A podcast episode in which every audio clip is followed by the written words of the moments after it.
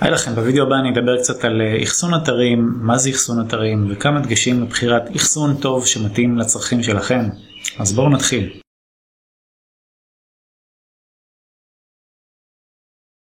אז אחסון אתרים או Web Hosting זה בעצם איפה שהאתר שלנו נמצא פיזית, יושב פיזית בשרתים ברחבי האינטרנט, זה בעצם סוג של מחשב שמשמש לצורך הזה של לאחסן עליו אתרי אינטרנט. בסופו של דבר זה קבצים שמאוחסנים איפשהו, זה יכול להיות בארץ, בעולם.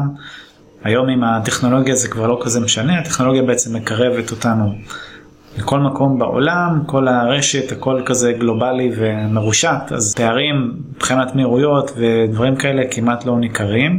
אני אדבר על זה עוד מעט גם באחד הפרמטרים של בחירת חברת אחסון. בעצם כל אתר אינטרנט יש לו שני מרכיבים עיקריים, דומיין ואחסון. דומיין זה הכתובת שכולם מכירים, כתובת של האתר עצמו, והאחסון זה איפה שהאתר נמצא פיזית. עכשיו כמה פרמטרים לבחירת חברת אחסון. בתיאור הסרטון אתם גם תוכלו לקבל מדריכים שלי והמלצות לחברות אחסון שאני באופן אישי משתמש בהם כבר במשך שנים רבות.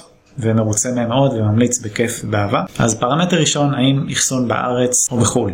אז כמו שאמרתי מקודם, היום ההבדלים האלה הם, הם די זניחים, זה לא ממש משנה אם האחסון שלכם בארץ או בחו"ל, אבל זה כן יכול לשנות לאנשים מסוימים אם אתם רוצים למשל תמיכה בשפה שלכם, לצורך העניין בעברית, אה, זמינות בשעות מסוימות, יכולת לדבר עם נציגים בעברית במייל, טלפונית, דברים כאלה. מעבר לזה, המיקום עצמו לא קריטי. היום הרבה מאוד חברות אחסון יודעות להתמודד עם אה, מרחקים ואחסון אתרים בכל העולם, לא משנה איפה קהל היד שלכם נמצא. יש הרבה טכנולוגיות שמיודעות לגשר על הפער הזה של המרחק. זה פחות קריטי מהבחינה הזאת. דבר שני, מהירות האתר. מהירות האתר תלויה גם בחברת האחסון וגם ב...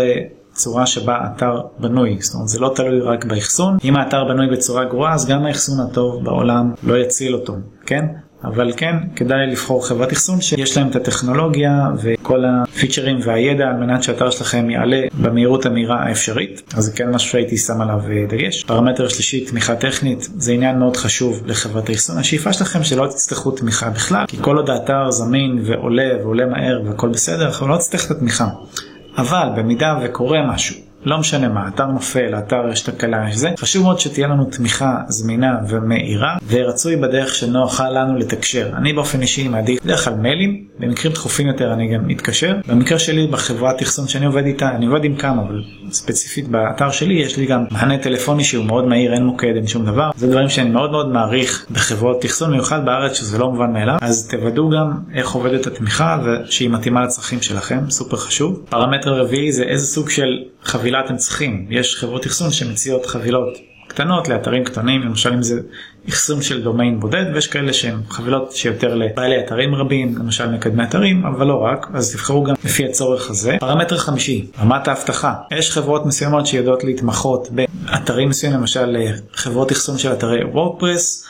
בדרך כלל במקרים כאלה שיש התמחות בנישה מסוימת, אז יש גם ידע יותר גדול ומענה יותר טוב לצרכים כמו אבטחה, מהירות, ממשק, דברים כאלה, אז האבטחה זה גם כן נושא מאוד חשוב. בחברת האחסון תוודאו שיש לכם את מה שאתם צריכים. בגדול אלו הדברים הבסיסיים שחשוב לבדוק. לפני כל אחסון שאתם בודקים אותו. במידה והאתר שלכם אה, גדל והטראפיק והצרכים עולים, תוודאו גם שיש לכם אפשרות להשתדרג באותה חברה. במידה ולא, תמיד אפשר להעביר את ה...